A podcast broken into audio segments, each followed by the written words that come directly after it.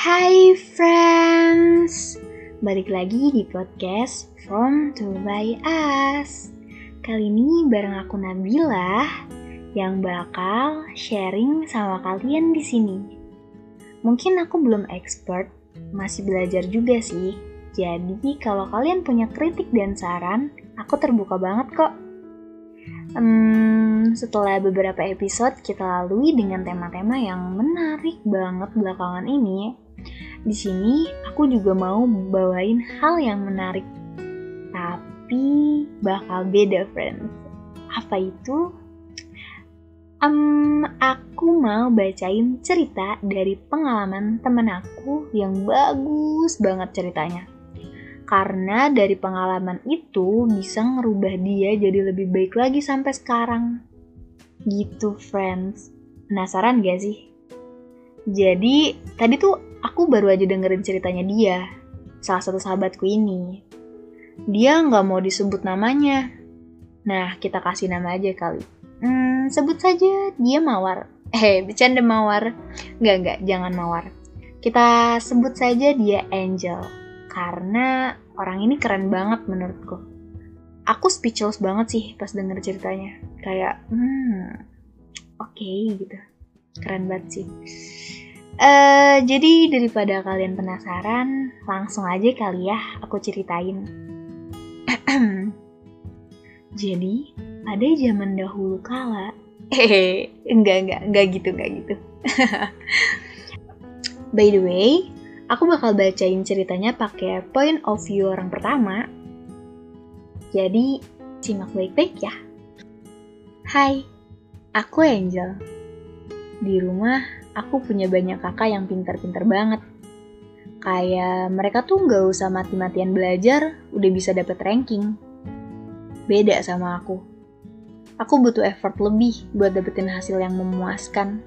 Sebenarnya aku nggak bego, Aku juga dapat ranking kok, tapi emang gak sebagus kakak-kakakku. Karena hal itu dari kecil aku ngerasa dibedain aja sama bunda. Bunda tuh kayak gak sayang sama aku. Karena aku tuh dicap kurang pinter. Dari kecil aku udah dilesin sana sini. Senin sampai Sabtu les, nilai turun les nambah.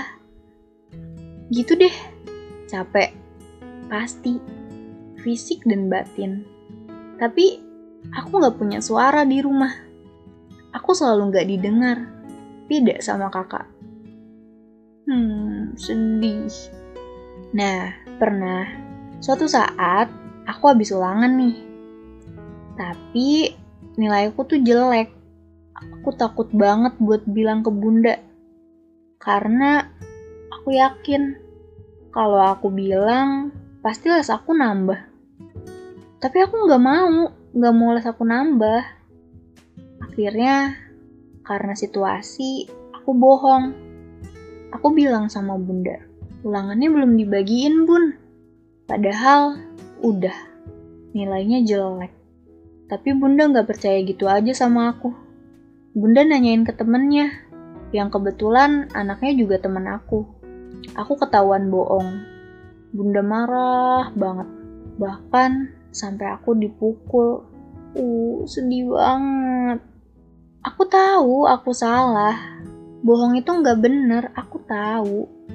Tapi aku terdesak. Aku capek sama keadaan. Aku capek sama situasi. Singkat cerita, pas aku SMP, semuanya berjalan cukup indah. Sampai rasanya aku nggak sabar buat masuk SMA sama temen. Tapi angan-angan itu harus sirna karena aku harus pindah kota, otomatis pindah sekolah juga. Di kota yang baru ini, aku harus beradaptasi lagi dari nol. Masa SMA yang awalnya akan indah, tapi ternyata nggak seindah itu.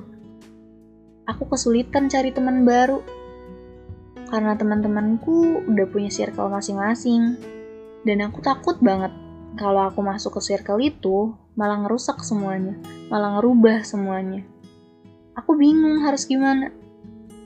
Semuanya, semuanya tuh kerasa banget barunya. Sampai pas kelas 11, aku punya temen cowok. Namanya kita panggil aja dia Al.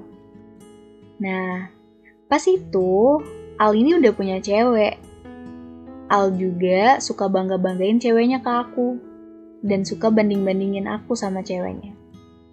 Dari situ aku mikir, kayaknya Al nggak mungkin suka sama aku. Jadi nggak apa-apa aku berteman sama Al. Pertemanan aku sama Al berjalan kayak biasanya. Tapi kalian pasti sering dengar kan kalau pertemanan laki-laki dan perempuan itu sulit karena salah satu di antaranya pasti bakal jatuh cinta. Aku awalnya mikir kalau Al nggak mungkin jatuh cinta sama aku. Karena Al udah ada pacar. Tapi suatu ketika tiba-tiba Al nyatain perasaannya sama aku. Aku kaget. Karena karena aku udah karena aku udah punya cewek. Di situ aku kaget banget. Dan aku ngerasa bahwa aku harus jauhin Al. Aku blok Al. Pertemanan aku sama Al udah gak kayak dulu lagi.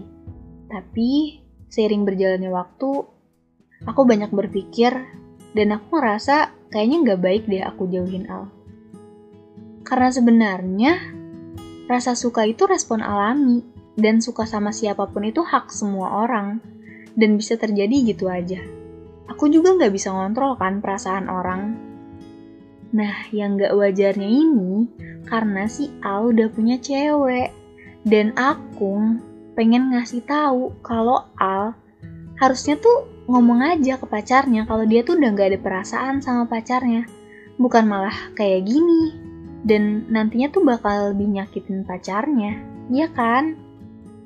Nah terus, abis insiden itu, intensitas chattingan aku sama Al itu semakin sering. Aku ngerasa nyaman temenan sama Al. Tapi selain itu ada rasa takut, juga cemas. Karena mikirin perasaan ceweknya Al. Sampai pernah si Al ini ngajak aku ketemu terus. Awalnya aku nggak mau, bener-bener gak mau, karena nggak enak sama ceweknya. Tapi Al maksa terus, sampai akhirnya aku nemuin Al karena Al selalu bilang ke aku kalau aku nggak mau ketemu sama dia, Al bakal tetap chat-chat aku terus, bakal tetap gangguin aku terus. Dan akhirnya aku mau ketemu sama Al. Biar Al nggak chat aku lagi. Dan mau negasin bahwa bahwa aku sama Al tuh nggak boleh kayak gini. Tapi tapi tapi pas ketemu sama Al, dia malah nangis. Dia malah cerita dan nangis. Aku di situ ngelihatnya agak baper karena jarang banget ngeliat cowok nangis. Akhirnya dari situ intensitas chattingan aku sama Al makin sering sampai Al ngajak aku ketemu lagi. Di pertemuan kedua ini, aku udah bener-bener ngerasa harus tegas sama Al. Karena udah nggak enak banget sama ceweknya. Tapi di pertemuan kedua ini, aku yang niatnya mau udahin semuanya, mau bener-bener bilang ke Al kalau aku udah mau stop dan dia udah ada cewek, harusnya fokus aja ke ceweknya. Tapi malah berantakan semuanya. Niatnya, Al mau bilang dan ceritain semuanya ke pacarnya. Tapi belum sempet Al bilang, ceweknya tuh udah tahu duluan. Dan beranggapan bahwa aku selingkuh sama Al. Padahal tuh nggak gitu. Sumpah, aku bener-bener mau stop semuanya. Dan dari kejadian itu, aku dijauhin. Bahkan diomongin hampir sama satu angkatan karena masalah itu. Aku sedih, sedih banget. Rasanya tuh jadi males ke sekolah. Hari-hari berikutnya di sekolah rasanya tuh sepi banget karena nggak ada temen. Dan baru kali ini aku ngerasa aku bener-bener nggak ada temen. Akibat dari itu semua, aku selalu sendiri. Dan karena sendiri ini, aku mutusin buat pergi ke Keppel Kebel itu tempat ibadah orang Katolik gitu. Buat yang nggak tahu. Nah, dari situ aku tuh nemuin ketenangan baru. Dan rasanya tuh rasa sepi yang aku rasain perlahan-lahan berkurang. Dari hari itu, aku jadi sering ke Keppel, bahkan pas sudah ada temen pun, aku malah ngajak teman-teman aku ini buat ke Keppel bareng. Setelah itu, aku ngerasa semakin hari aku makin pulih. Perubahan yang aku alami pun semakin baik. Aku jadi sering ke gereja, bahkan jadi salah satu pengurus OMK atau orang muda Katolik. Di situ aku ketemu banyak teman baru dan dapat pengalaman-pengalaman yang seru banget. Mungkin awalnya aku ke gereja cuma menuhin kewajiban sebagai seorang umat. Tapi sekarang tujuannya udah berubah. Gereja bukan lagi kewajiban, tapi jadi salah satu keinginan dan kebutuhan. Dan Tuhan jadi salah satu tempat curhat paling seru yang pernah ada. Di balik itu semua, satu hal yang aku dapat, bahwa di balik kesulitan pasti ada kemudahan. Di balik setiap masalah pasti ada hikmahnya. Dan aku mikir bahwa mungkin ini adalah salah satu cara Tuhan untuk aku sadar dan bikin aku dekat sama dia. Tuh kan, tuh kan, tuh kan, ceritanya bagus banget, sumpah aku tadi kayak hanyut gitu dalam ceritanya emosinya dapat banget buat Angel di mana pun kamu berada sekarang gila kamu keren banget. Parah keren banget. Kamu udah bisa ngelewatin itu semua dan ngebungkam orang-orang yang nge kamu, orang-orang yang pernah ngejudge kamu, dan bahkan orang tua kamu yang ngeremehin kamu pun kamu bungkam dengan prestasi yang kamu hasilin sekarang. Itu keren banget sih. Dengan kamu yang rajin gereja dan menghasilkan sebuah hal-hal baru yang kamu dapat dari organisasi dan lain-lain itu keren banget sih, parah. Dan aku juga memetik satu hal yang tadi udah disebutin sebenarnya bahwa rencana Tuhan itu emang indah, walaupun kadang kita harus nangis dulu, kita harus marah dulu atau segala emosi yang kita lalui, tapi rencana Tuhan itu indah. Kita tuh harus percaya, sumpah. Karena Tuhan tuh tahu mana yang terbaik buat kita. Kita cuman harus nemuin aja caranya gimana. Gitu. Nah, itu dia friends. Aku yakin banget sih, kalian semua yang mendengarkan ini pasti punya cerita-cerita menarik juga jadi, buat kalian yang mau berbagi dan dibacain sama kita di sini, boleh banget langsung aja ya DM ke Instagram kita at fromtobuy.us atau bisa di email langsung from to buy us at gmail.com dan nantikan terus podcast-podcast dari kita ya friends setiap Rabu dan Sabtu. Tetap percaya diri dan selalu semangat karena kamu harus ingat bahwa kamu itu keren, kayak angel dan kamu itu sangat berharga. Jangan ngerasa sendiri karena di sini akan selalu ada aku. Dadah, see you.